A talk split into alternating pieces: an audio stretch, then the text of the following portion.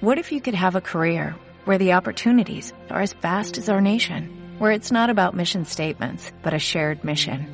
At U.S. Customs and Border Protection, we go beyond to protect more than borders, from ship to shore, air to ground, cities to local communities. CBP agents and officers are keeping people safe. Join U.S. Customs and Border Protection and go beyond for something far greater than yourself. Learn more at cbp.gov/careers. Noticiesdelta.cat, el butlletí informatiu de Ràdio Delta, amb tota l'actualitat de Deltebre. Deltebre va ser el municipi de les Terres de l'Ebre que més va créixer en número d'afiliats a la Seguretat Social en el darrer trimestre del 2018. L'afiliació va créixer un 9% i l'increment va vindre liderat pel sector de la construcció. Juntament amb Deltebre, Amposta i Alcanar van ser els dos altres municipis de les Terres de l'Ebre que van créixer en afiliacions, segons es reflexa a l'últim butlletí econòmic de la Càtedra d'Economia Local i Regional de la Universitat Rovira i Virgili. En termes generals, l'estudi conclou que l'economia ebrenca va recuperar el ritme de creixement al quart trimestre del 2018. La construcció ha estat el sector econòmic que més va créixer a les Terres de l'Ebre l'últim trimestre del 2018 i ho va fer un 4,5%, seguit per la indústria i els serveis amb un 2,3%. El nombre d'afiliats a la Seguretat Social va incrementar en termes globals un 2,4%, el que representa 1.125 afiliats més que un any abans, mentre que l'atur va registrar una reducció interanual del 10%, amb 1.005 aturats menys que al quart trimestre del 2017 una dada especialment positiva perquè deixa entreveure una certa recuperació del ritme de creixement de l'economia ebrenca.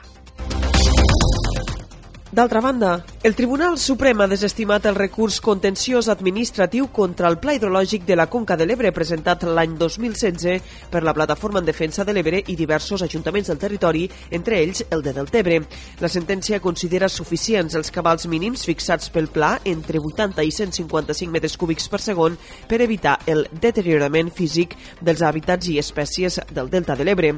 Segons denuncia la plataforma, la resolució legitima judicialment la política hidràulica de l'estat espanyol i fa cas omís a les evidències científiques i tècniques aportades sobre l'estat del riu i el delta de l'Ebre, així com les seues necessitats pel que fa a cabals i sediments. La plataforma alerta que la resolució evidencia un pacte d'estat per a una gestió mercantilitzada dels rius i el territori basada en nous transvassaments i grans regadius. El moviment antitransvassament fa una crida a la mobilització social a les Terres de l'Ebre i arreu del país i demana participar massivament en les activitats organitzades a Amposta este pròxim dissabte 30 de març en motiu de la festa dels 18 anys de la Plataforma en Defensa de l'Ebre.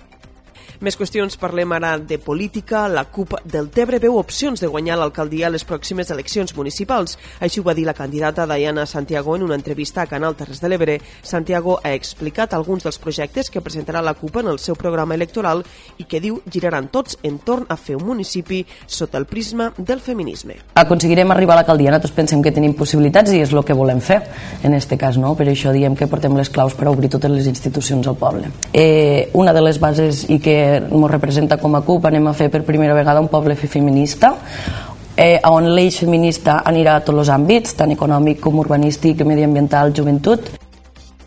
Entre les propostes des de l'àmbit del feminisme, la CUP proposa il·luminar tots els carrers del poble per evitar la sensació d'inseguretat, plantar una filera d'arbres de fulla lila, el Cercis siquilastrum, al llarg de la façana d'entrada al municipi de Deltebre per la carretera del Canal o impulsar les seccions femenines dels diferents clubs esportius de Deltebre. Més qüestions, un rosari de torxes pel passeig del riu clourà el pròxim 11 de maig els actes dels 200 anys de la parròquia Sant Miquel que van iniciar-se al maig del 2018 amb la consagració de la nova campana de la Mare de Déu de Fàtima. Així ho ha avançat el rector mossèn Joan Guerola al programa de Radio Delta al dia Terres de l'Ebre. I la idea és fer aquell dissabte per, nit, per la nit pues, un rosari pel passeig del riu, un rosari d'entorxes i una vigília de pregària a la Mare de Déu, ja que estem dins del mes de maig, pues, agraint a la Mare de Déu, agraint al Senyor aquests 200 anys. Per això també pues, convidem a tota la gent del poble a participar-hi este 11 de maig. El mossèn també ha avançat alguns canvis en la celebració de la Pasqua de Resurrecció i la tradicional processó de l'encontre que se celebrarà enguany la nit de la Vigília Pasqual. Hi haurà missa, processó i per acabar ball al Saló Parroquial. I el que hem optat en guany és per fer la processó de l'encontre dins la mateixa nit de la resurrecció. Llavors adelantarem una mica la vigília pasqual, que en aquest cas serà a les 9 i mitja de la nit, i després a l'acabar la vigília pasqual tindrà lloc la processó de l'encontre, on l'encontre entre la Mare de les Ressuscitats serà davant de l'església, on també, doncs, com sempre, participaran les salves, els caçadors, els focs d'artifici, i després també doncs, volem celebrar la nostra Pasqua, i per això doncs, convidem a tothom a vindre al ball, que farem ball al parroquial, per acabar, un últim apunt, l'Ajuntament de Deltebre ofereix un curs de formació laboral de comptabilitat bàsica de 60 hores de durada. El curs començarà el pròxim 6 d'abril i s'allargarà fins al 27 de juny. Per inscriure's cal posar-se en contacte amb l'àrea de dinamització econòmica de l'Ajuntament de Deltebre. Això és tot de moment. Més informació, com sempre, al portal deltacat.cat.